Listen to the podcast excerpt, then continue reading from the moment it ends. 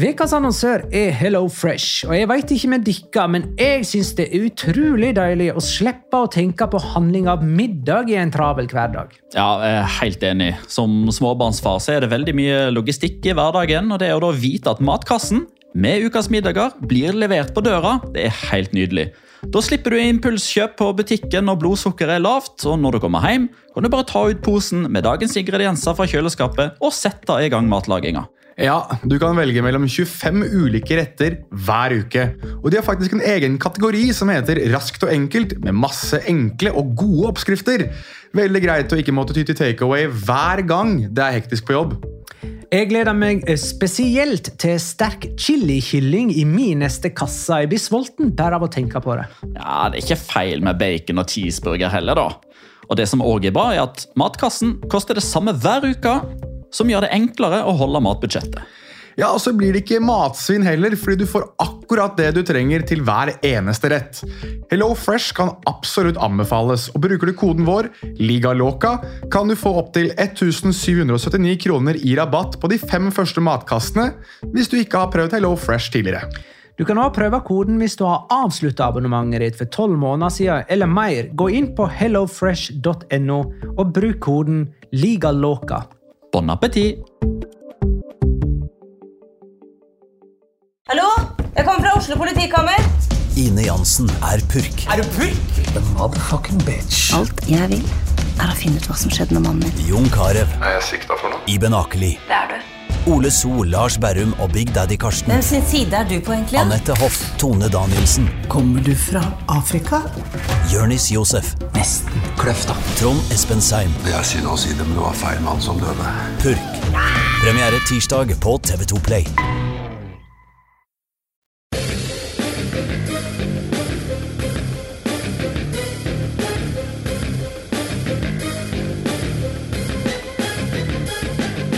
Har du sett?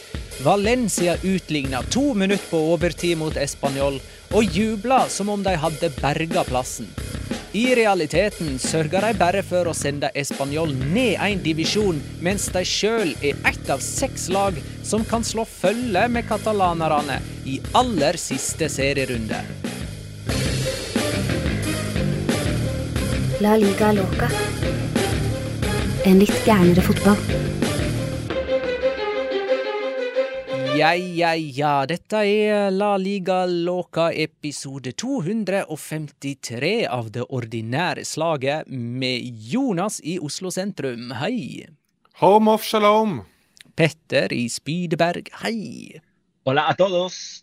Og Magnar Kvalvik er en plass i Oslo sentrum. Og hei. Mm, Sånn. Hola, Magnar. Hei, Magnar Kvalvik. Ja, er, er dere ved deres fulle fem etter La Ligas nest siste serierunde? Uh, ja jeg, jeg vet at Petter måtte se det i opptak grunnet eh, veldig viktig eh, og selvfølgelig superspennende innspurt i eh, verdens aller største, kuleste og beste liga for hans del i disse dager, Premier League. Eh, men jeg eh, ble sittende og se på goalshow til La Liga TV sammen med Ole Aasheim. Der vi eh, kvakk opp med mm, Markas eh, si nedrykkskalkulator egentlig store deler i etterkant av de oppgjørene for å prøve å finne ut hvordan skal jeg nå sitte nå i neste timen og prøve å mane Valencia vekk fra nedrykk. Eh, vi fant ut at det er eh, vanskeligere enn jeg skulle tro for Valencia å rykke ned. Men tro dere meg! De finner ut av det. De kommer til å rykke ned til, i siste serierunde. Sann mine ord. Eh, Du, Petter, har du, så du alle ni kampene i opptak uh, seinere på kvelden etter at du var ferdig med Premier League-studio? Hvis du stiller meg det spørsmålet på onsdag uh, og spør om jeg har sett alle kampene i opptak, da så er svaret ja. Men jeg har ikke rukket foreløpig. Det jeg gjorde var å eh, fordi Det som er så kult med, med disse spanske radioprogrammene, er jo at de legger ut hver hele time i podkastformat tre-fire minutter etter at timen er ferdig. Altså alt som har blitt sagt på radio mellom 19 og 20 ligger tilgjengelig klokka 20.05. Så det betyr at når jeg reiste hjem fra, eh, fra jobb litt utpå kvelden, så bare satte jeg i gang eh, Tiempo de Juego på Cadena Cope med start klokka 19.00. Og så hørte jeg første omgangen i bilen på vei hjem, og så hørte jeg andre omgangen eh, når jeg var kommet hjem. Eh, så jeg er fullt oppdatert på alt som har skjedd. Men jeg har kun sett eh, tre av de 22 skåringene foreløpig. Oi! Um, så ikke spør om detaljer på hvordan målene kom. Det får Jonas ta seg av. Så du har ikke sett dem i en høydepunktspakke heller, liksom? Nei, så langt har ikke jeg kommet ennå. Nei.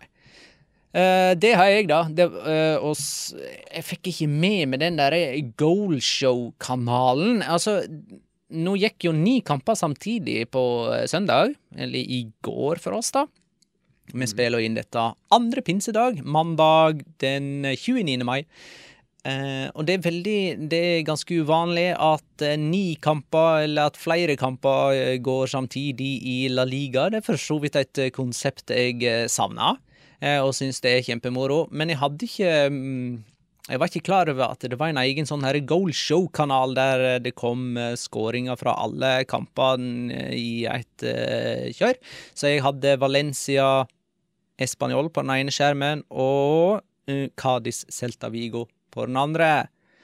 Uh, men så har jeg jo sett skåringene i høydepunktpakke etterpå, da. Jonas, har du ei hånd oppe? Ja, jeg skulle til å si at eh, for de som lurer på det, hvis det er samme opplegg, og det skulle jeg vel tro at det er siste serierunde, så er eh, La Liga-TV er tilgjengelig på TV2 Play. Og der eh, får man goalshow. Og det som er fascinerende med det goalshowet for øvrig, er at det er samme kommentatorene som kommenterer alle kampene. Så de blir bare kasta inn i kamper hele tiden. Så de må prøve å holde tunga rett i munnen gjennom hele og Det ene er jo Graham Hunter, og jeg elsker Graham Hunter. Men de som har hørt Graham Hunter kommentere, vet at han gjerne skal inn på en del ulike historier underveis i kommenteringen sin, og er veldig glad i å på en måte billedlegge det han snakker om. Det sleit han med å ha tid til i løpet av det goalshowet, for å si det sånn. Men men han prøvde så godt han kunne han kan kjøre digresjoner midt i et straffespark, han. Ja da. Og, og fortelle om kunne, en eller annen fyr han møtte på veien til stadion, eller noe. Ja, eller, eller, et eller annet som skjedde med, i Aberdeen. Veldig mye Aberdeen. Aberdeen dukker opp fryktelig mye når han skal altså, kommentere altså, fotball. Altså er Han ekstremt flink til å referere til hva han sjøl har sagt tidligere, hvis det viser seg at det han sa tidligere, stemte litt seinere. Ja, ja, men jeg, men jeg, elsker det. Altså Graham Hunter og dialekta hans og måten han snakker på, hvordan han sånn skal liksom stoppe hele kampen litt, grann, bare for at han skal fortelle en historie. Nei, det, det, det, det, er hans måte å gjøre ting på, og det setter jeg faktisk litt pris på, for det tar litt eierskap til det du driver med. Så det er nydelig. Men men det jeg nevnte uh, i innledningen, var jo at seks lag fortsatt kan eh, rykke ned, og alle lag som er involvert i nedrykksstriden, spiller samtidig søndag kveld klokka 21. Og Chris Robin Eriksen spør blir det watch along eller live på Discord med dere den siste serierunden. Uh, Jonas? Ja, selvfølgelig. Her skal jo uh, reklamebiten av La Liga Loca inn. Det gjør det.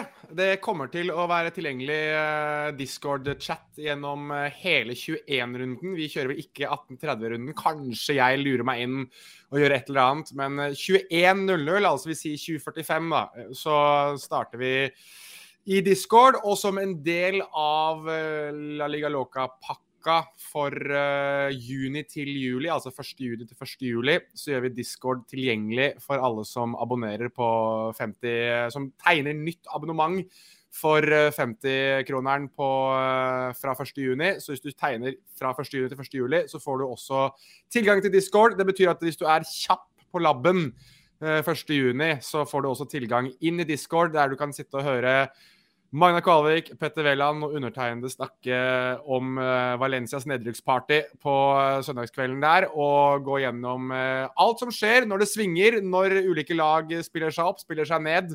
Og, og potensielt sett en del annen moro i henhold til hva som har skjedd i 1830-runden, der vi da får vite hvilke lag som skal spille europafotball neste sesong. Så heng på og kast dere inn på 50 kroner fra 1.6, vil jeg anbefale.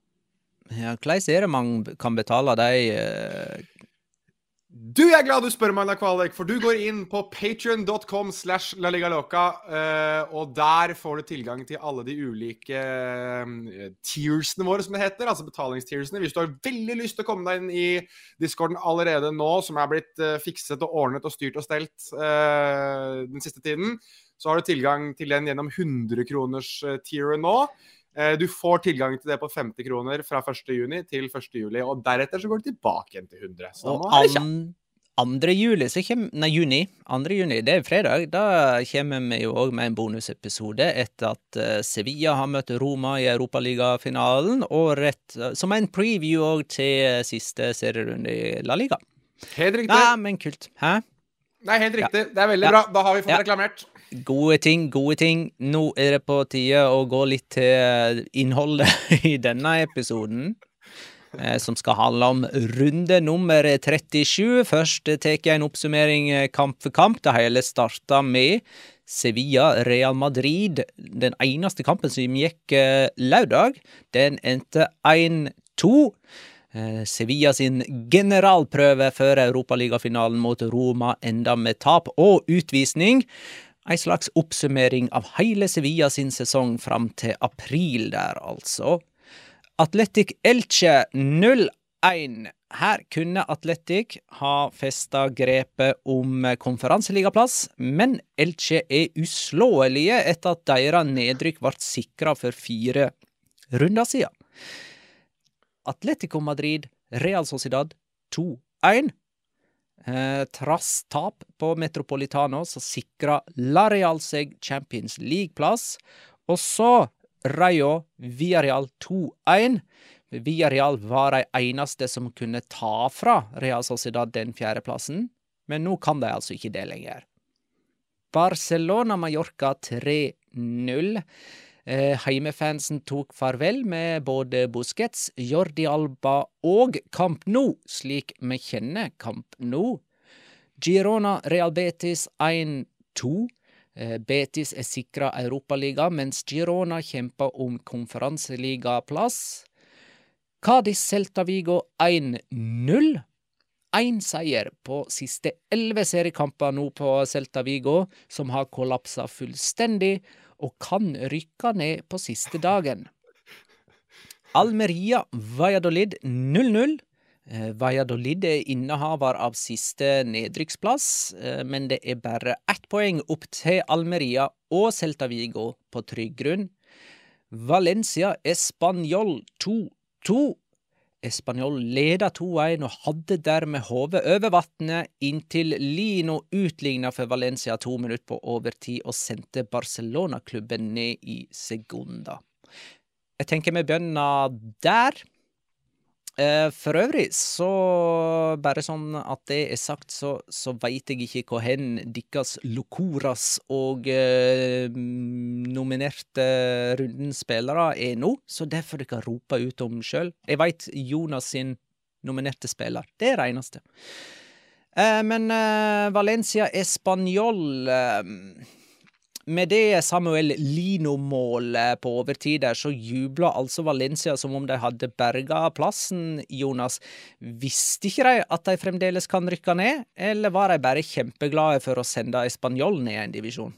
Nei, det er sikkert litt av begge deler, regner jeg med. Men uh, som vi kanskje skal inn, inn, på etterpå, så Det gjør jo det at det for øvrig er én plass mindre for Valencia å ende på, da, sånn helt der nede. Selv om de selvfølgelig kommer til å kapre 18.-plassen. Men uansett, uh, poenget her er jo at hvis du ser Sånn oppriktig talt, hvis du går gjennom den kalkulatoren som jeg syns er veldig kul, som Marka har, så gjør den, det resultatet og det at Valencia tar et poeng, gjør at det er betraktelig vanskeligere for de å rykke ned. altså Basert på innbyrdes osv., som vi skal inn på, som kommer til å bli ekstremt viktig, tror jeg, eh, nå inn i siste serierunde.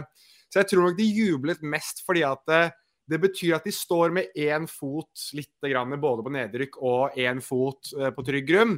Der jeg tror de hadde stått ganske mye tydeligere med begge bein ganske greit ned i nedrykkssumpa. Altså, de måtte ha dratt til Sevilla og vunnet, tror jeg, hvis de hadde tapt på hjemmebane. Altså, De møter jo Betis, så de må da, da dra til Sevilla. Jeg tror de hadde, hadde måttet vunnet den hvis ikke de hadde fått et uavgjort her. Uh, og sånn som Petter har sagt i discorden vår, blant annet, så, så hadde jo Valencia vært trygge. Altså, de hadde jo vært klare for spill i Primera neste sesong hvis de hadde vunnet det oppgjøret her. Så jeg tror nok det var mer en lettelse mer enn noe annet over at de faktisk fremdeles er in it with a fighting chance og egentlig har forholdsvis gode forutsetninger for å bli værende i, i Primera fremdeles.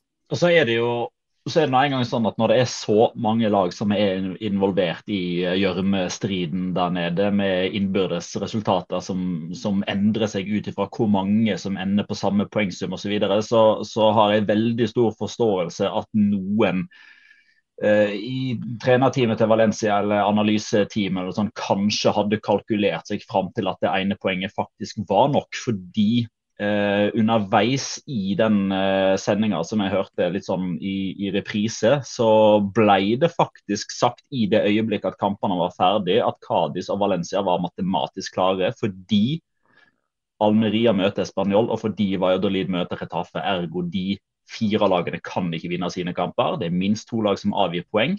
Men da hadde de ikke tatt høyde for dette her med jo, men hva hvis, hva hvis det er tre, fire eller til og med fem lag som havner på samme poengsum?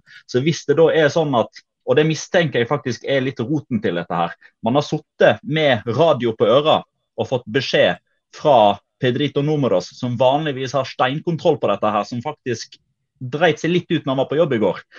Så Hvis da Eh, to eller tre på Valencia-benken der faktisk sitter og hører og, og, og, tar alt det som blir sagt og får god fisk. Det kan godt hende at de rett og slett trodde at de sikra plassen, når de egentlig ikke gjorde det. Mm.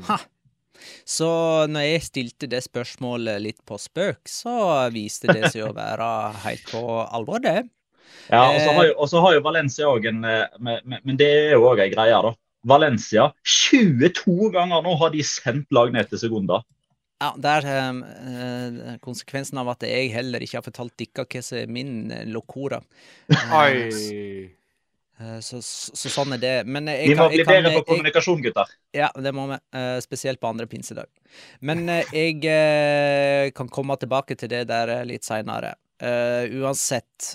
Español mente at Gaia lagde frispark før det 2-2-målet.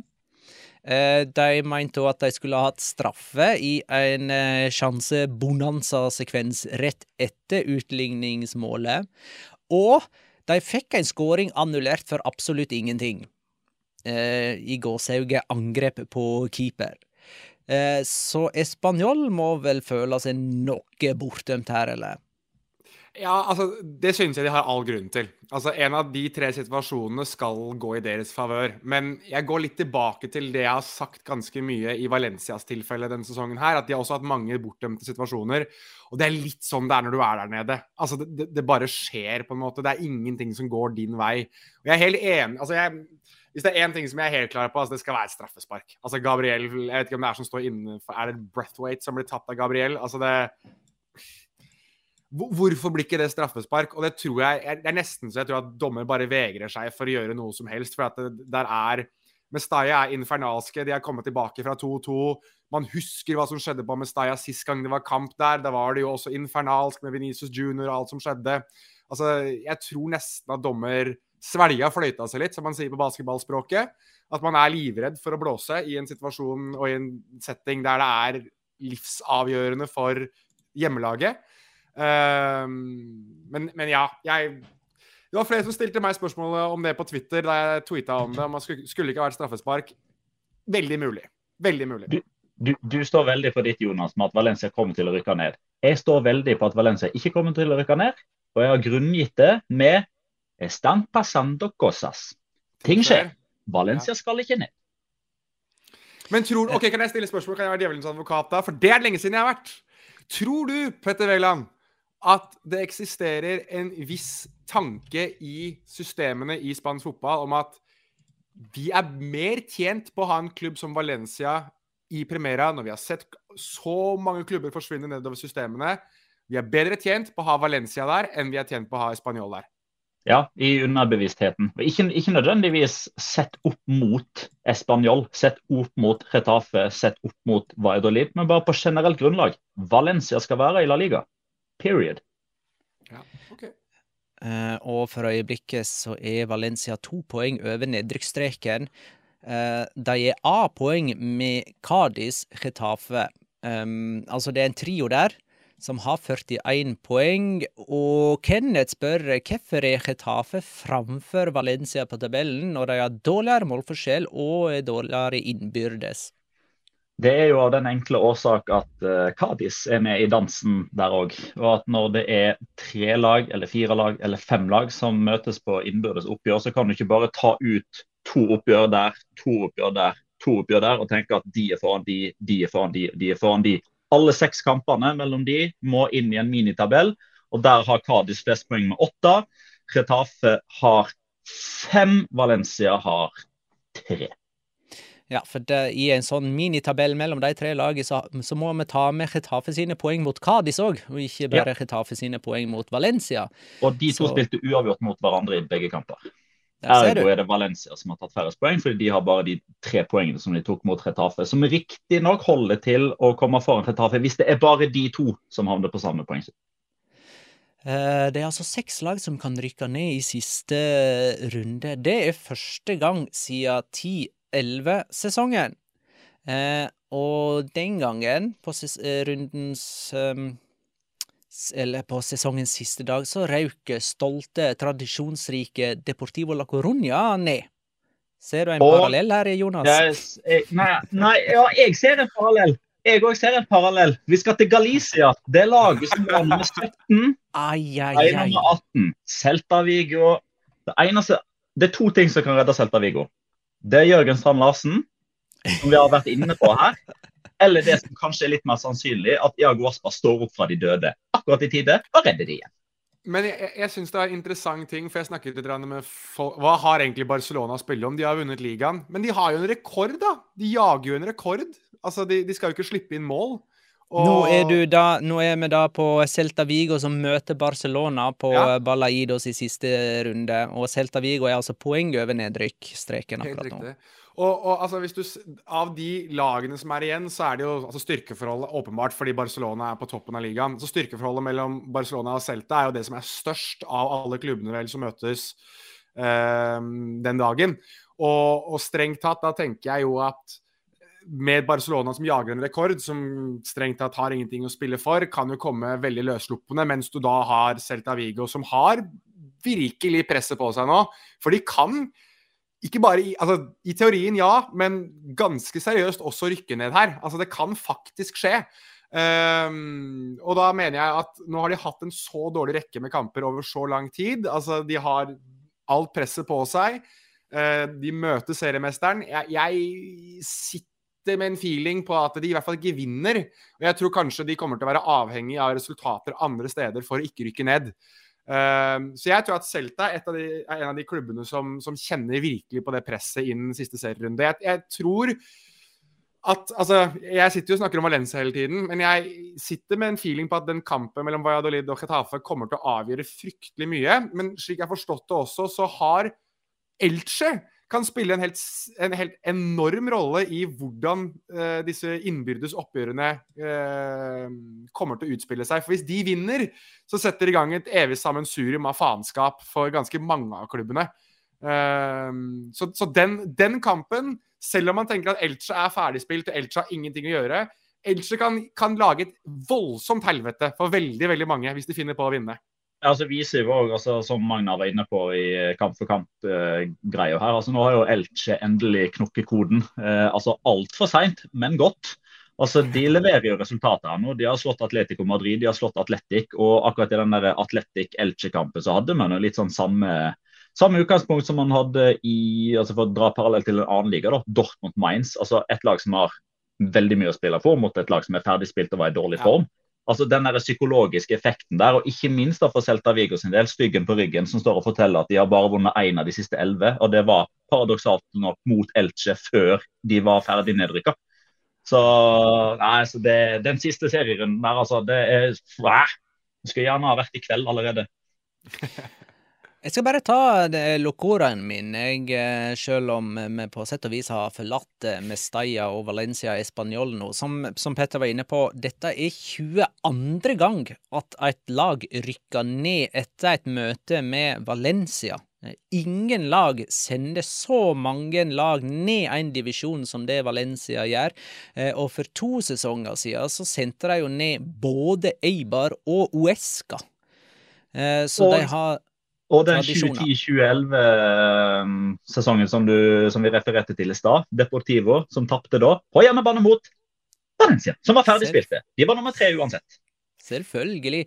Og uh, Celta Vigo de tapte altså borte mot uh, Cádiz i en kamp der uh, Ruben Sobrino ble matchvinner da, for, for Cádiz, som fikk en straffe omgjort av VAR og en skåring annullert, i tillegg til målet som ble godkjent. Altså Celta Vigo var bortimot sjanseløse i det oppgjøret. Iago Aspas uh, satt på benken og fungerte nærmest som en trener på, på sidelinja der, før han kom inn, og hadde jo en frisparkmulighet helt på slutten. Og tenkte liksom nå Kongen var ikke død, nå skal han redde dem igjen, og skjøt rett i muren. Så Aspas er vel ikke det han en gang var. Eh, to ting. Altså, første jeg bare må ta, bare så jeg har fått eh, loggført det. Jeg vet ikke om dere så det, men Spanjol sin eh, president, denne Shen Yi-sheng borte i Kina, han eh, slapp jo en, eh, en videomelding til Spanjol-supporterne i dag på deres sosiale medier. Og maken til blodfattig video har jeg aldri sett maken til. Altså, jeg skjønner at det, kanskje det kinesiske språk, mandarin, kanskje ikke er det som har mest altså, Sånn som på norsk, vi veldig, går jo opp og ned i volum og rytme og takt osv. Altså, mandarin kan godt være veldig sånn entakt. Men jeg tenkte at hvis du har lyst til å høre virkelig en president som sier at vi skal opp igjen, så har du ikke lyst til å se den videoen der. Det er noe av det jævligste jeg har sett. Uh, men for å ta uh, Kadi Selta, du nevnte skaden til Jago Aspas. Fant du ut Magnar, hva slags skade han hadde? For den syns jeg var morsom. Nei, eh, nei, det veit jeg ikke. Han har en ryggskade, og det er for han har båret det der jævla laget på ryggen sin i så jævlig mange sesonger nå. At den ryggen måtte jo knekke til slutt. Så han skal inn i siste serierunde mot Barcelona med en ryggskade der han potensielt sett nok en gang må bære det laget der på ryggen sin. Ja, men, men jeg, jeg, håper jo, jeg, håper jo, virkelig at han klarer det. Hvis ikke så kan jo faktisk folk gå tilbake igjen og se en sjarlatan fra Odda bare avviser Iago Aspa som fotballspiller fullstendig. Fordi det er et før og etter her. Det er et før og etter. Iago Aspas fra han kom tilbake til eh, spansk fotball etter det relativt lite vellykkede oppholdet i Liverpool, så har vi jo ja, forguda han, og han har skåra mål og han har båret laget på sine skuldre og nå knekker ryggen. Og sjarlatanen fra Odda, dvs. Si meg, som altså står på spansk TV i slutten av mars og sier endelig, endelig er Iago Aspas på landslaget. Han har ikke skåret et mål siden. Det hadde vært så gøy. Det er, det er nesten så jeg har lyst til å gjøre det. Hvis, hvis uh, Celta Vigo rykker ned, finne den videoen og så bare legge en rekka til, til Celta Vigo etter den videoen der Petter hyler om Iago Aspas. Å, herregud, du hadde blitt Du kunne aldri dratt til Vigo noen gang. Altså, Jeg har jo gått fra å, liksom, å bli lova liksom, kaffe og taper altså kom og spis fisk på vår regning. Altså, jeg var jo, for, for en skakket stund der så trodde jo folk at jeg var liksom en, eh, en mann som, som, kunne sin fotball. Jeg hadde jo ikke fått gått i fred i Vigos gater. Det får jo for så vidt ikke nå heller, men av feil grunner. Um, Haron eh, Mahmoud spør hva tror dere skjer med Jorge Playa dersom Celta Vigo rykker ned. Um, tror meg at han uh, starta for øvrig mot Barcelona nå til helga. Eh, jeg veit jo Petter har annonsert for lenge siden at han blir den store helten med skåring mot Barcelona og redder Celta Vigos plass. Historikken her tilsier vel at det er ja, men historikken her tilsier vel at han, han fikk sjansen sin, skåra ikke. Da er det vel benken neste, da? Er ikke det det som liksom har vært greia med Carvalhall? Jo, det, det, er jo for så vidt et poeng, da. Men, men, samtidig, hvis du ser den backrekka til Barcelona Hvis det er noe de potensielt sett kan utfordres på, så er det fysikk. Eh, det så vi f.eks. med Alexander Sørloth, som kasta rundt på det forsvaret. OK, greit, det er noen av de beste som kanskje ikke spiller, men jeg tenker at for det oppgjøret her kan jeg forestille meg at de forsøker kanskje Erik Garcia igjen. da, At han får mulighet til å spille en kamp til, f.eks. Altså, vi, vi, kødder mye med Erik Garcia. Han, han, er forferdelig som fotballspiller. Altså, Han har ranet ganske mange fotballklubber for ganske store summer med tanke på at han har latet som han har vært fotballspiller litt for lenge. Men han kan fort finne på å få en mulighet her. Samtidig som du kanskje skal tenke at Busquets, Alba, de, begge de to altså Alba må vel kanskje spille fordi Baldi er skada, men hvis ikke han spiller, så kan det fint være at det er en eller annen makeshift venstreback som de kaster innpå. Altså, jeg ville tro at fysikk her da, kommer til å ha fryktelig mye å si for, for Celta sin del, og da mener jeg at altså, Hvis du skal kombinere fart og fysikk, så er det Jørgen Strand Larsen som er den beste som, som Celta har.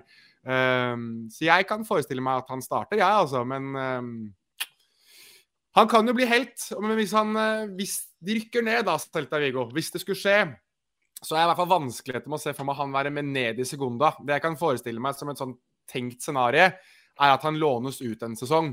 Uh, og får spille på høyeste nivå, enten i, i, Primera eller i Serie A, eller hvor det enn måtte være. Uh, og hvis Celta rykker opp, så er han med og spiller i hvert fall én sesong til der, før han kanskje selges videre etter sesong tre. Um, skulle jeg i hvert fall tro. Jeg har sett lignende varianter tidligere med nysigneringer som kommer til klubber som rykker rett ned. Så det er min, um, det er min teori, da, hvis jeg kan komme med det. Um, Retafe slo Osasona 2-1 på Colosseum Alfonso Perez. Heime Mata han eh, starta vel ingen kamper for Retafe denne sesongen før Bordalas kom. Så alle kampene han har starta, alle fire, eh, kom i mai. Eh, og på de fire kampene han har starta, så har Chetafe tre seire og bare ett tap, som kom mot eh, Real Madrid. Eh, og så skåra altså han sitt første mål for sesongen i det siste minuttet mot Osasona. Og sørger altså da for at Chetafe er ett av tre lag på 41 poeng. Og eh, to poeng bak dem, altså på nedrykksplass, ligger Valladolid på 18. Det er Chetafes motstander i siste runde på um, José Soria. Mm. Det er jo en av kampene å se det, da, kan du si. Absolutt. Absolutt. Ja, det, men jeg syns jo det Det var litt moro med Chetafe, syns jeg. For her satt vi og snakket om at den klubben er skakkjørt og nede og sykler nå som Enes Onal er ute resten av sesongen, altså de, de to siste serierundene. Nei da! Jaime Mata, liksom. Han eksisterte plutselig, han. Mm. Det, to skåringer uten Enes Onal, det er jo nesten ikke hørt om. Ja, men det, det, det, er litt sånn som så overskrifta til, til, Marka i kamprapporten der. Altså, Det måtte være Jaime Mata. Altså, hvem andre? Fordi historien her òg er jo, altså, som du er inne på, eh, på Magna, altså helt ute i fryseboksen med Kike Sanchez Flores, og så kommer José Bordala og så bringer han fram igjen i varmen. Altså, det var jo, det var jo Bordala som henta uh, Heimemata til klubben. Spilte han som, uh, først som spiss og så som venstreving. Han var jo en av de som virkelig gikk i bresjen for dette uh, shithousery Retafe sammen med Allan Jom og Damian Suárez og gjengen.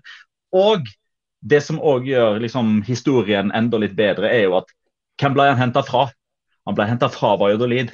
Og hvem er det som skal starte for Retafe mot Valladolid i siste serierunde? Jo, det er jo Jaime. Og eh, Jaime Mata fikk vel, han var vel også så god på et tidspunkt at han vel var i den spanske landslagstroppen og fikk vel også noen minutter mot Norge, gjorde han ikke det? Mm, som vi var og så. Så så god var Jaime Mata. Altså Jaime Mata var god på Heimemata, for å si det sånn.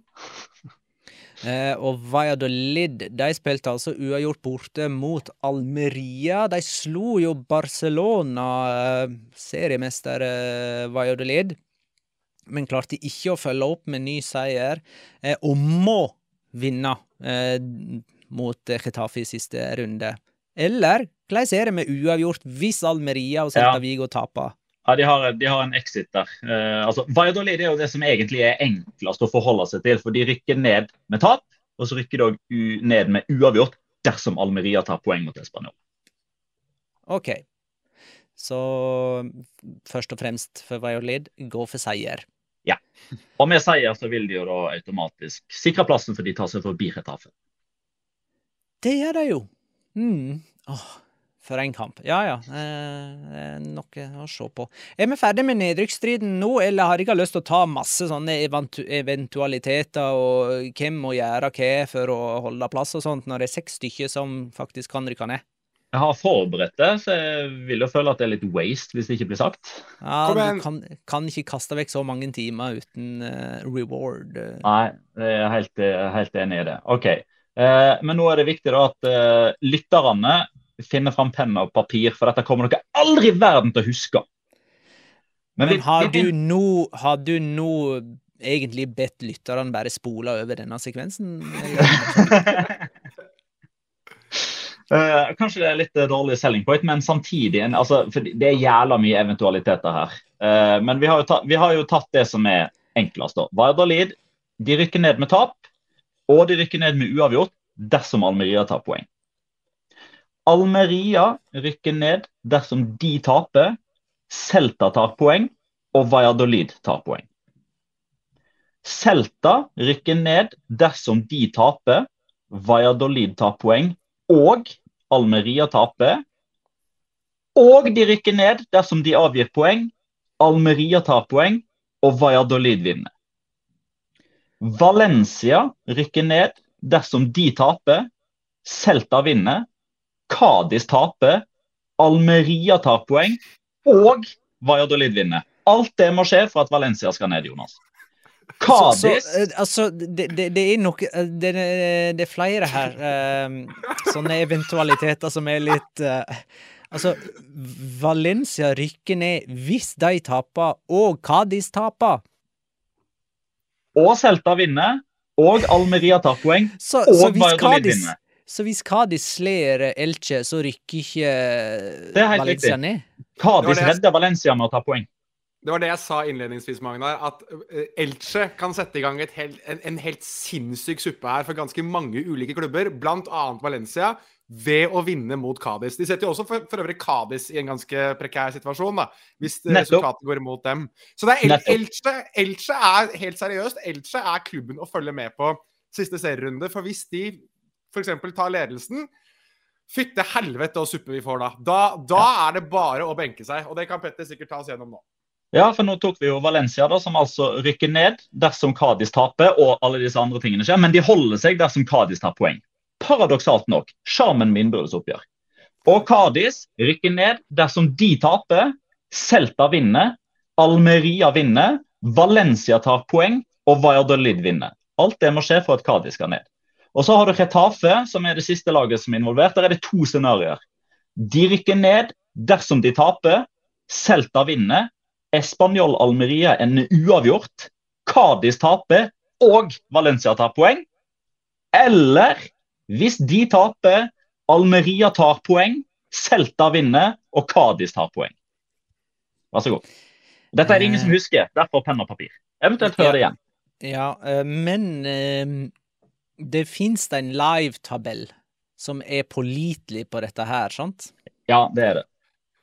Jeg kan, På eh, marka.com. Ja, Det jeg også kan gjøre, Magnar, sånn, hvis folk har lyst til å prøve ut alle disse scenarioene, så eksisterer det en Marka-kalkulator, altså en siste sesong, eller siste serierundetabell, eller den har jo pågått nå en del serierunder, men det eksisterer en kalkulator der du kan dytte inn ulike resultater og se hvordan det påvirker tabellen. Så den kan jeg legge ved når vi publiserer episoden. Så da finner du den, kjære lytter, på twitter.com slash la med denne episoden. For det mener jeg at det fins mange live-tabeller, eh, men det er ikke alle som er til å stole på, eller? For jeg mener eh, Fotmob, for eksempel, eh, har ikke nødvendigvis alle eventualiteter på plass i sin live-oppdatering. Marka sin har det. Marka sin tar høyde for eh, alle disse ulike eventualitetene. Ja. Det er mulig Fotmob, fotmob òg har det, altså, men jeg, jeg bare veit med sikreste sikkerhet at Marka har det. Ja, Så jeg, jeg- jeg, jeg kommer til å forholde meg til den. jeg, tenker det aller beste er at alle bare logger seg inn i discorden, og så skal de få beskjed av oss hva som skjer når det og det målet har blitt skåra. Fortløpende. Ja, ja, ja. På norsk. På norsk blir det. Vi ser på noen andre kamper nå. Barcelona Nå, nå er vi ferdig med nedrykksstrid. Bare sånn at dere er klar over det. Barcelona slo eh, Mallorca med 3-0 på deres siste kamp på eh, eh, Hva heter det? Spotify Kamp nå, slik Spotify Kamp nå ser ut i dag. To mål av Ansu Fati, ett av Gavi. Så framtiden skåra idet de tok farvel med fortid. Masse albatårer idet han ble bytta ut her. Han ja, Ja. kjenner på fortiden, han, altså. Det er ganske tydelig. Det var, jeg vet ikke om du så det, Magnar, men det var et veldig fint øyeblikk der, eh, som jeg sa godt sin seiersgang på Twitter også. Eh, når Alba og Busquets er byttet ut, og de sitter på benken ved siden av hverandre, og du ser liksom Alba dytte borti Busquets og liksom takker han for de årene de har hatt sammen. Det var litt sånn fint, syns jeg. At det liksom var en sånn Det virker som Alba Det gikk litt opp for Alba at vi har hatt, vi har hatt en fin tid. Har, det, nå er det på tide å takke litt for det.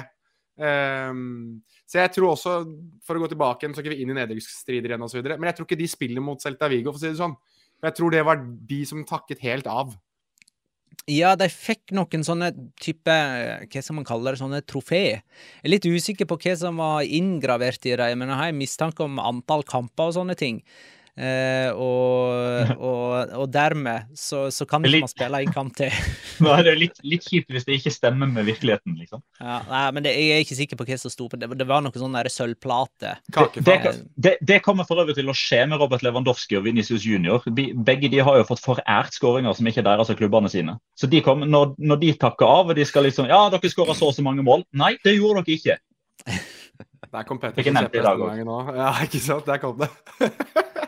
Det som er spennende rundt Barcelona nå, er jo hvor stor innsats de legger ned, og, og hvordan de presterer i siste serierunde, når de altså skal til Balaid, som møter nedrykkstrua Celta Vigo. Mm. Uh, ja, de tok, de, ja, jeg skulle bare si de tok første spadetak i dag på nye Altså seremonielle første spadetaket på det nye Spotify Camp Nou. Som de Æresgraving? Ja, altså de uh, begynte å grave liksom i selve matta, så jeg. Og um, altså gamle legender liksom tok et spadetak. Og de det som skal ligge under stadion, da, altså typ kapteinsbind, en fotball, noen sko, en drakt osv., så videre, sånn at det på en måte er i selve bygget når de skal bygge den, den nye stadion sin på toppen av dette. Så, ja, for de bruker jo da Olympiastadion neste sesong. Det er, eh, I Barcelona. Er det Montjuic? Ja. ja. Gamle eh, stadion til Español, med andre ord. Mm. Som altså spiller i Segunda neste sesong. Det var vel faktisk òg litt sånn her eh, jubel og, um, og fryd, skadefryd, på Kamp Camp Nou uh, denne søndagskvelden, da de fikk nyheten om at Español rykka ned.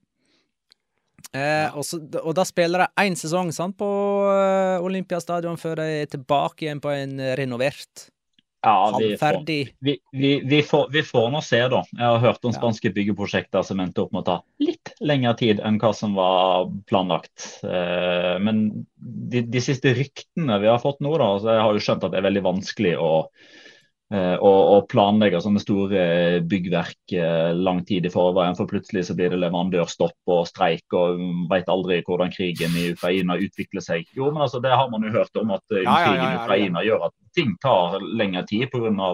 blokade, handelsblokade og Svartehavet som er ikke i bruk lenger osv. Men det siste som vel er, er sett på som en, den mest um, hva skal jeg si, troverdige løsningen nå da er at uh, man sannsynligvis ikke er i stand til å spille fotball på nye kamp nå før tidligst oktober 2024. Ergo har Barcelona allerede nå bare sånn Hei, hei, La Liga. Det kan hende vi ønsker å spille de første åtte serierundene i 24-25-sesongen på bortebane. Ja, ja, der ser du. Um, hva skulle jeg si? Det, det var uh, grei skuring for Barcelona her. Mallorca fikk Amat utvist etter 14 minutter etter en stygg takling på Balde, som ble skada og måtte ut, og er ute hele sommerferien. Han er vel tilbake igjen til sesongoppstart igjen, uh, skulle en tro. Ja, Amat Ndiaye har for øvrig vært ute på sosiale medier og beklaget seg til uh, Balde for det. At var ikke ment sånn. Så jeg syns det er litt fint å se at Først hadde vi jo Juan Miranda, som var ute og beklaget seg til Jesus Navas for sin takling. Og så har du nå Ndiaye, som har beklaget seg. Ja, Petter? Ha, ha, har Marcos Acuña beklaga seg, eller? eh, vi kommer til det. Det, det, eh, det, å beklage seg, det er egentlig å klage. Eh, det å eh, Hvis du sier unnskyld for noe, så bare Da beklager du. Oh, ja, så han har vært ute og beklagd. Uh, ferdig med det. Aha. Han har beklaget. Mm. Det er noe som, Hvis du eksempel uh, går og sutrer over sår hals, så kan du si sånn uh, Han beklager seg over sår hals. Så det er en oh, ja, sånn, ja. måte å klage på. Ja, men den er interessant. Litt sånn at det jo egentlig ikke er å finne seg i, men å avfinne seg med. noe sånt. Ja, dette, dette finner jeg meg ikke i. Eh, nei, men eh, skal vi eh, Vi kan ta Ramón Sánchez eh, Pijuan-eventene der Sevilla tapte mot Real Madrid. Jeg nominerer der rundens spiller, Rodrigo, med to vakre mål for Real Madrid. Ett på frispark og ett elegant i åpent spill. Han har skåra like mange mål denne sesongen som de tre foregående til sammen. Eh, Sevilla har ikke sleget Real Madrid siden september 2018. De har ett uavgjort og åtte tap på sine siste ni møter med Los Blancos.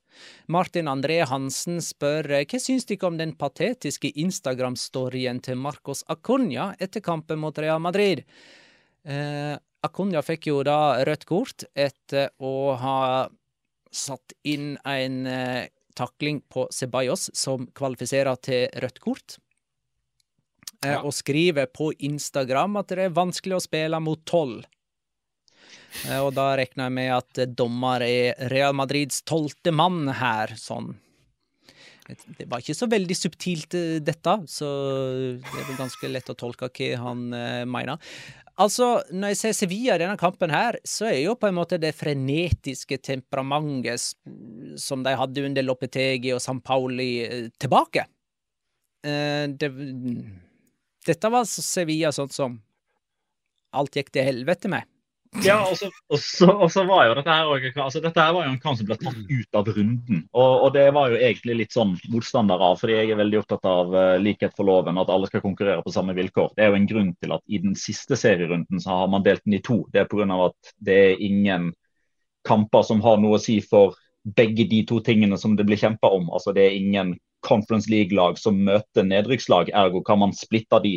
Men I den nest siste serierunden så er det jo det er, jo, eh, det er jo faste at alle ti kampene går samtidig, men fordi Sevilla skal spille eh, Europaligakamp og trengte enda en fridag eh, for å eh, lade opp til den, eh, så ble jo deres kamp plukka ut av runden. Eh, men ikke Mallorca sin, og ikke Rayo Vallecano sin, og ikke Osasona sin, og ikke Atletic sin. Eh, så de, de ble, vi ble jo egentlig fortalt at den kampen her hadde ikke en drit å si. Men allikevel da, så var det jo der man fikk uh, stygge taklinger og ordentlig krangling på slutten der. Og så er vi vel uh, Vi er jo ikke overraska over at Marcos Acunha er involvert, og vi er jo heller ikke så, så veldig overraska over at Dani Ceballos er involvert heller. Nei, eh, Dani Ceballos med sin fortid i Real Betis så ut til å trives med å provosere eh, Sevilla-fans. Eh, det var kanskje ikke så trivelig øh, å provosere Sevilla-spillere. For etter at uh, Acunha hadde blitt utvist, så gikk det jo nesten sport i blant uh, Sevilla-spillere og, og Mayanese Bajos. Ja, det var jo flere som gjorde det. Og det, og, det som gjør den der Acunha-situasjonen litt mer sånn der, Kom igjen, da. Grunnen til at han er sinna på Ceballos, er at han holder ballen et par sekunder når de innkast sånn type et halvt minutt i forveien, og så skal Akunya bare ta igjen. Ja. Eh, så, hans fjerde utvisning denne sesongen. Han har jo blitt utvist i Europaliga-semifinalen òg, så han, han har ferie! Han er ferdig med sesongen, for han er, har karantene i Europaligafinalen og i siste La Liga-runde. Ja, jeg bare loggfører det, siden det var eh, sikkert noen som lurte på uh, litt Real Madrid-nytt. Eh, og det er jo at den du nevner der, Danis Ceballos, Nacho og Ascencio av alle, ser alle sammen ut til å være på vei vekk fra Real Madrid. Jeg så Marca hadde en ganske fyldig rapport om det nå. Ascencio kom det jo faktisk så mye som push-varsler fra nesten samtlige spanske medier samtidig eh, i forrige uke eh, rundt at det ikke mm, blir værende i, eh, i, Real Madrid, og at de kanskje til og med vurderer å hente tilbake Brahim Diaz fra AC Milan som en form for erstatter. Men nå har det også kommet at Nacho f.eks. kanskje har lyst til å prøve seg på et eventyr utenfor Spanias grenser. Og at man er endt på at man ikke ser ut til å ville forlenge med Ceballos heller, til tross for at han har hatt en ganske bra eh, vårsesong, da, vil i hvert fall jeg mene. Jeg syns han har vært veldig god i cupen spesielt. Så, eh, og den overrasker meg kanskje mest av alle. Ascencio har det vært litt sånn eh, rundt, og Nacho er jo en sånn naturlig, eh, vært der lenge, lyst til å prøve noe nytt ting som jeg egentlig tenkte at ville kommet nå, eller så ville han ha lagt opp i Real Madrid. Så um, da har man loggført den, og da blir det spennende å se hva Real Madrid gjør, for det er jo ikke en stall som har tonnevis av spillere, og spesielt ikke veldig anvendelige spillere, slik alle disse tre er. Så her må man trikse og fikse litt på overgangsvinduet ganske snapt, tror jeg. Det virker jo nesten hogd i steiner med Jude Bellingen. Det virker ja. som at det bare er en eh, kommunikado offisial som, uh, som, gjenstår, egentlig. Ja, enig. enig. Uh, vil dere ha en quiz? Okay. Ja! De elleve siste frisparkmålene til Real Madrid har blitt skåra av elleve forskjellige spillere. Hvilke? Eh, Rodrigo og Al Alaba. Ja, Cristiano Ronaldo må jo være en av dem. ja han er nummer to i rekka, så det det er så vidt. Gareth Bale. Nei. Oi! Men Nacho Fernandes Ja. Oi. Ok, det er de, elleve siste frisparkmålene til Real Madrid. Mm. Sergio Ramos. Ja. Hvor mange er oppe i? Tre- eh, Fire? Fem. Er vi oppe i fem? Mm. Eh, Benzema? Ja. Ja, han hadde én. Stemmer det. Eh, Tony Cross. Ja. Modric? Nei. Uh, Mendy? Nei. Nei, jeg tror ikke Skal vi se Det er ikke Marco Ascencio? Ja. Um,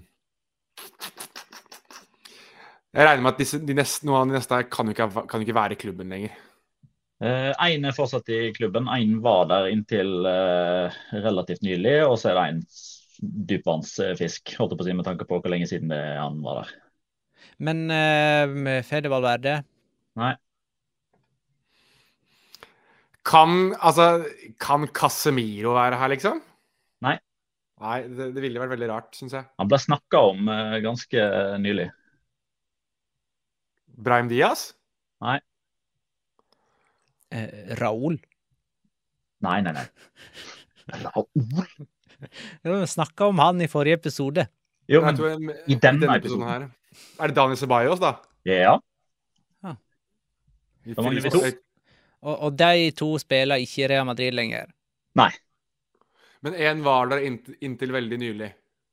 Ja, altså, til for, forrige sesong var hans eh, siste. Faen var det Det var, tre, det, var tre, det, var, det var tre store Real Madrid-spillere som forlot klubben forrige sesong. Bale har dere prøvd, han er det ikke.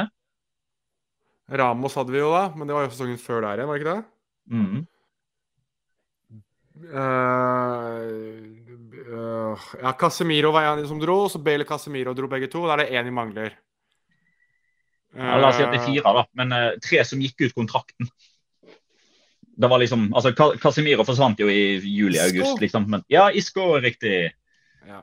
Og så han som starta denne rekka her, da. Han er liksom ellevte bakover i tid. OK, så han er førstemann, på en måte. Ja. Uh, Angel Di Maria. Nei. Men du, eh, du er inne på noe i form av eh, både preferert fot og kontinent han kommer fra. En venstrefot Å! Um, James Rodriguez! James! Yes. yes. All right. Eh, da går vi til Atletico Madrid, Real Sociedad, der Antoine Griezmann både hadde mål og målgivende. Eh, Før du går videre, så vil jeg ta en ting, for jeg veit at du kommer til å nevne det. For her kommer min runden spiller, og jeg vil nevne han før du nevner rekorden hans. Eh, den andre som skåra for Atletico Madrid, var Nahuel Golina, som de kaller han. Eh, med, han, har, han har fire mål som forsvarer denne sesongen. Meget Har ikke, sterkt. har ikke mange Mens- de kommet nå mot slutten av sesongen nå? I hvert fall to Jo. eller tre. Jo, har det stemmer. Eh, Antoine Griezmann har 15 mål og 15 målgivende denne sesongen. Og eh, det er liksom sånne tall som Messi, Cristiano Ronaldo, eh, Neymar og Luis Suárez har oppnådd eh, på 2000-tallet, liksom. Um, eh, ta Sørloth, da. Runden spiller nominasjon for eh, Jonas. Det, litt, det litt morsomme her var at jeg tenkte at noen kom til å Jeg har jo egentlig skrevet i vår redaksjonsmøte på Facebook at det som var min rundens spiller, det var jo Rodrigo. Og den eh, kastet Magnar seg over kjappere enn jeg rakk å gjøre det. Så nå måtte jeg forte meg, for Petter tok Alexander Sørloth. Eh, men Alexander Sørloth er min rundens spiller. Tolv La Liga-skåringer. Det betyr at han er den nordmannen med flest mål i La Liga i én og samme sesong. Han går forbi Jon Carew, som hadde 11 i 2000-2001-sesongen for Valencia. Som jeg syns egentlig er en prestasjon som det burde snakkes litt mer om i, uh, i media. Altså det er uh, Vi har nå hatt en nordmann som selvfølgelig har knust alle rekorder i Premier League, men her har vi faktisk en nordmann som nå har knust det som var den norske rekorden i La Liga også. Det er altså to nordmenn som er da mestskårende i én sesong i de to største ligaene i Europa, i verden. Um, OK, det holdt ikke til så veldig mye for altså, i, akkurat i dette oppgjøret, til tross for at de kvalifiserte seg til, eh, til, Champions League. Men til Alexander Sørloth, som jeg trodde kom til å ha en litt sånn tyngre sesong, chapeau. Uh, og så håper vi jo Jeg håper jo selvfølgelig, selv om jeg trodde det kunne bli vanskelig, så håper jeg at vi får se ham spille Champions League-fotball på Anoeta for Real Sociedad neste sesong. Jeg, jeg, tror den egentlig ble klinka i går. Jeg satt og tenkte litt over det. Med Champions League-penger, eh, med Leipzig som heller er da ikke De har jo òg kvalifisert seg til Champions League, så nå får de altså Sociedad penger å bruke. Leipzig har ganske mye inntekter fra før av og kommer neppe til å uh, stikke noen sånne voldsomme kjepper i hjulene. Jeg tipper et sted mellom 16 og 20. Real Sociedad ser OK, greit. Tolv skåringer i La Liga, enda flere alle turneringer. Vet du hva? Vi gjør det. Men Leipzig har allerede gjort sitt ene store salg. Du må huske det. De har jo en sånn Ja, ja, med Onkenko, ja. Ja, ja, som går til Chelsea. Ja, ja. altså, de, de, trenger jo heller ikke det, Du underbygger egentlig poenget mitt her. Ja, altså, min, altså hvis, hvis, ikke de ser på Sørloth som en stort salg, uh, og at han er på en måte expendable på en måte Men Leipzig har jo hatt en sånn greie med at de selger ikke mer enn én stor spiller hver sommer. Og Hvis ikke de anser Sørloth som en stor spiller, så er jo det bare gunstig for alle her. Uh, vi... Nei, det, det, tror jeg ikke de gjør, basert på det han har vist i Leipzig før. Nei, nei. Jeg tror han er, tror han er litt gone for de. Jeg tror ikke han er i planene der engang.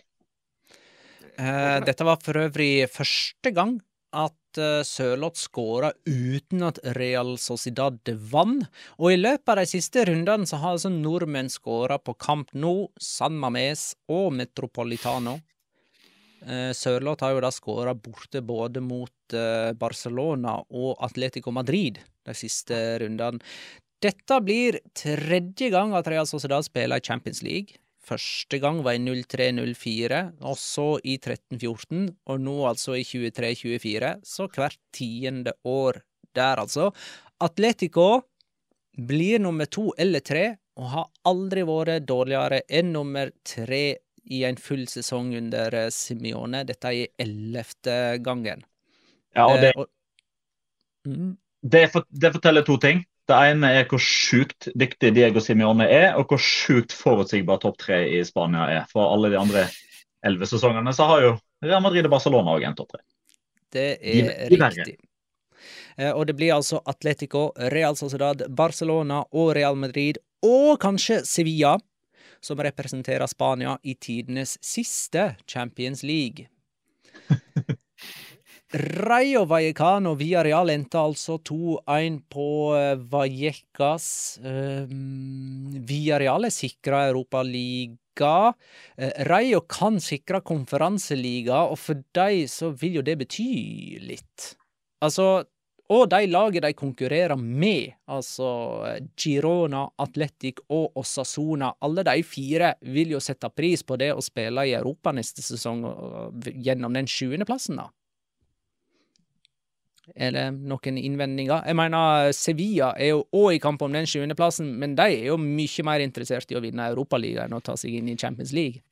Absolutt, men egentlig ikke et argument uh, for den siste serierunden hvis de da taper den Europaligafinalen. Så nei, nei, vil de da få en, en, ny, en, ny, mulighet her. Men uh, um, litt sånn for å bevise at nedrykksstriden er litt eh, viktigere enn kampen om syvendeplassen, så har det altså ikke tatt meg bryet med å gjøre alle eventualiteter med de fem lagene som kjemper om eh, syvendeplassen. Men eh, hei, marka.com nedrykkskalkulator har òg en Conference League-kalkulator.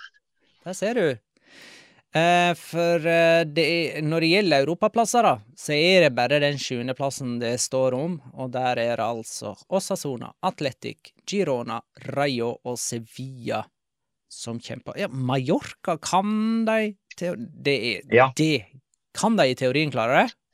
Kan de ikke det, da? Nei, det kan de ikke, fordi Osasona og Girona møter hverandre. Ja, ikke sant. Uh, kan jeg ta en ting om Girona sine nye drakter?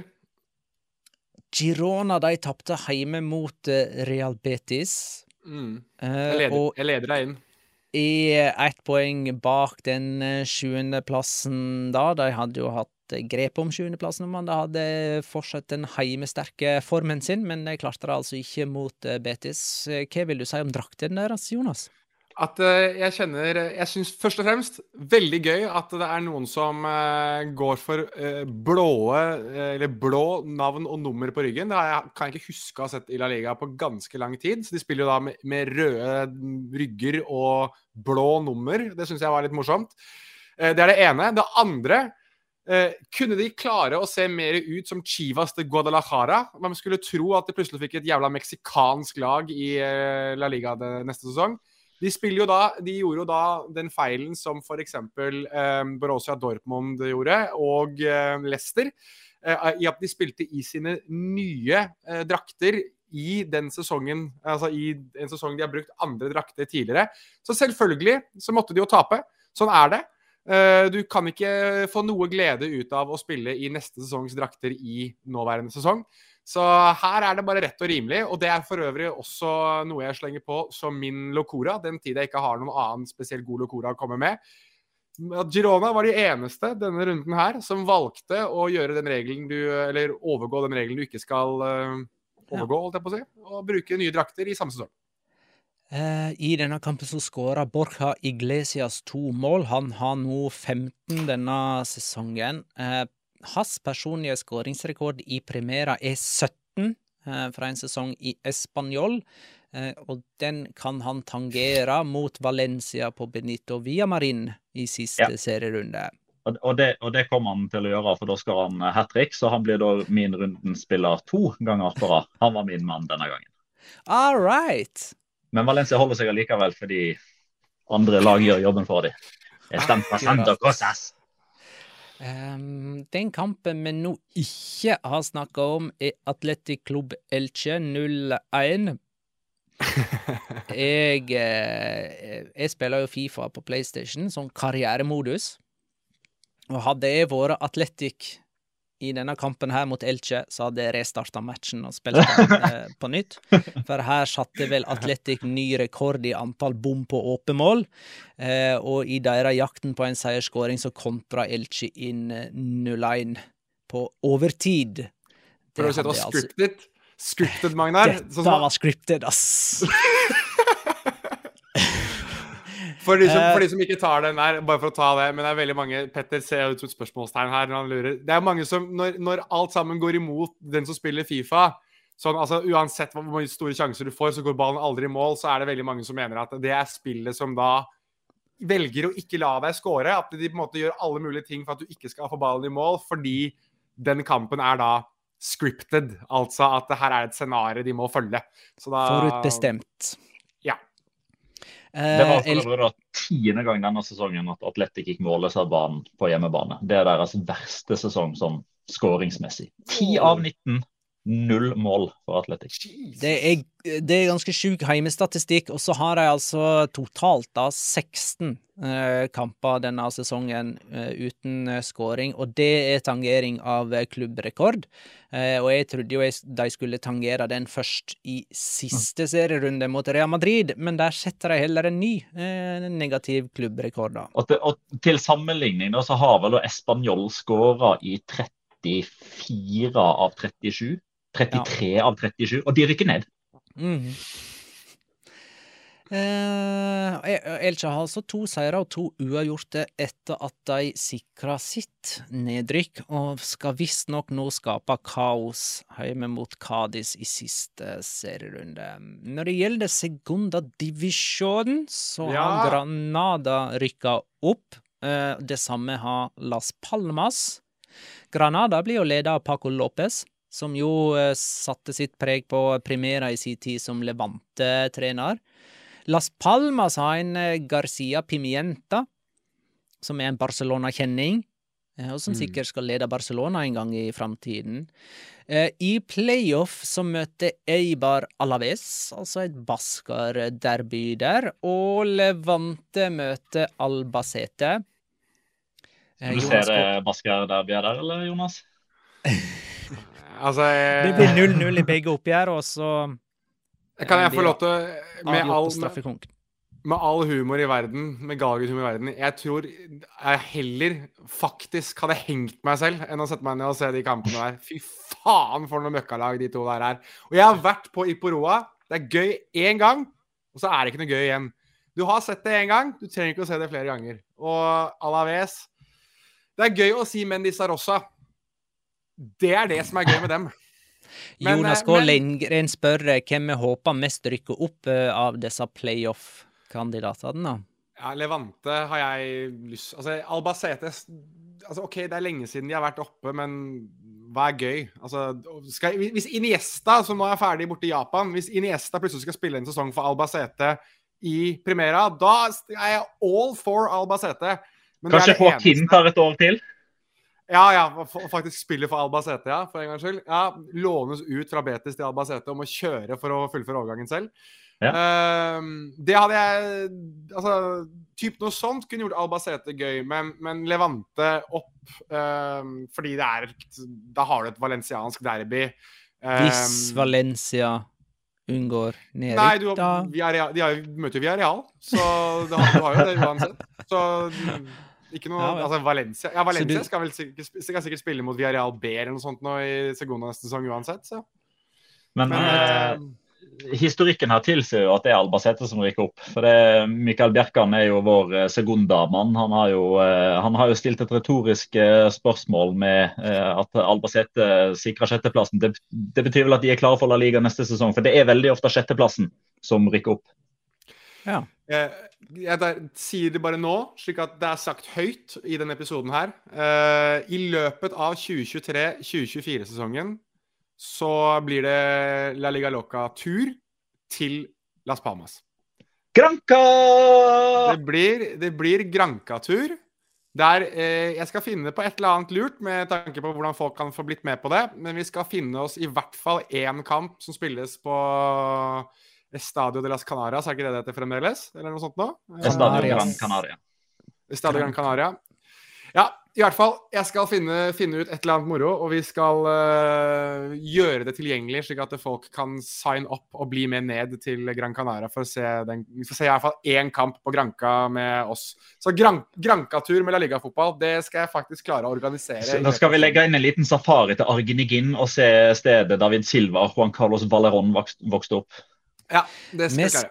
skal tippe eh, Forrige kamp vi tippa på, var Valencia Español, som endte 2-2, med Diego Lopez som første målskårer. Vi har jo ikke snakka om det her, egentlig, at disse her um, ungguttene til um, Valencia og Ruben Baraja eh, fiksa liksom biffen, da.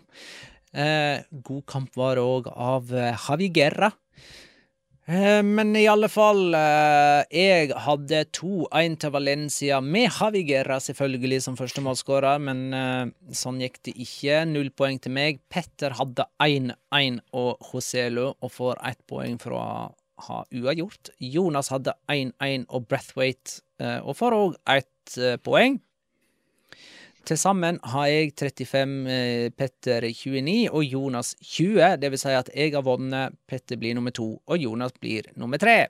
Ingen Men- spenning inn mot siste serierunde. Dessverre, hadde jeg nær sagt. For meg er folk, det helt greit. eh, folk får komme med tips om hva jeg kan gjøre for noe som straff denne gangen. Jeg fullførte jo faktisk for før denne sesongen her. Jeg så første serierunde i pizzabakeren-outfit. Um, så jeg gjør, kan sikkert gjøre noe Men som sagt, løpe Jeg har ikke fått straffen min ennå. jeg.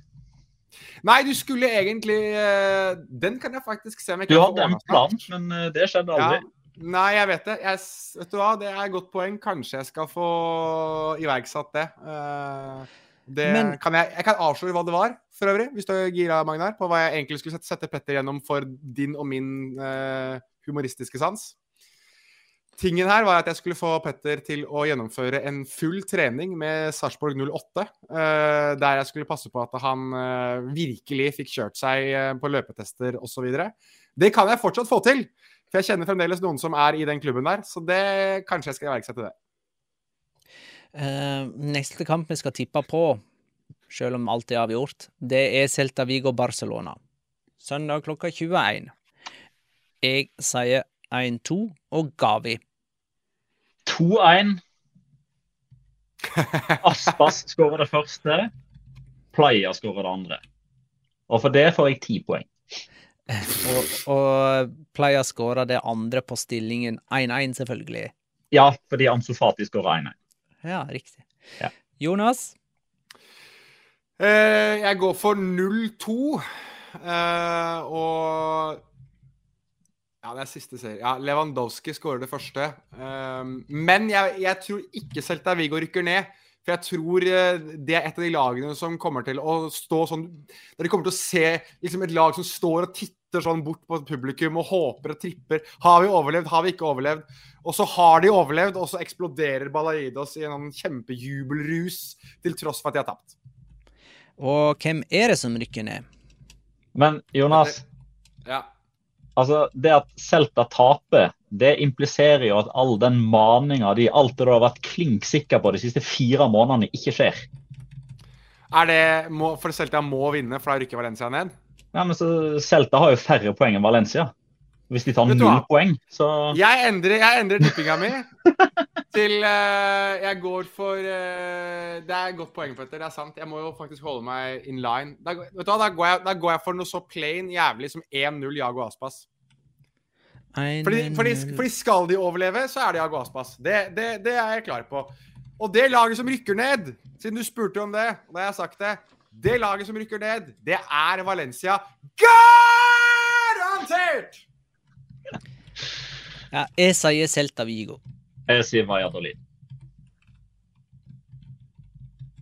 Da Fem eh, poeng til den som treffer der. Ti poeng til den som treffer der, da.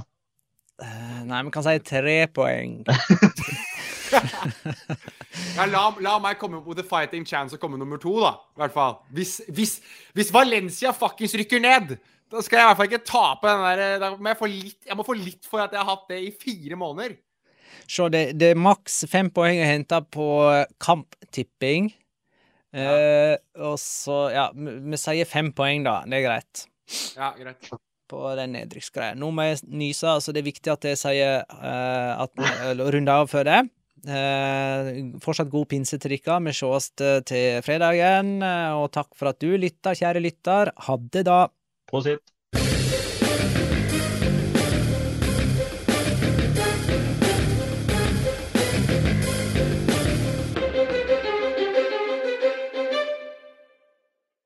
Har du et enkeltpersonforetak eller en liten bedrift? Da er du sikkert lei av å høre meg snakke om hvor enkelt det er med kvitteringer og bilag i fiken, så vi eh, gir oss her, vi. Fordi vi liker enkelt. Fiken superenkelt regnskap.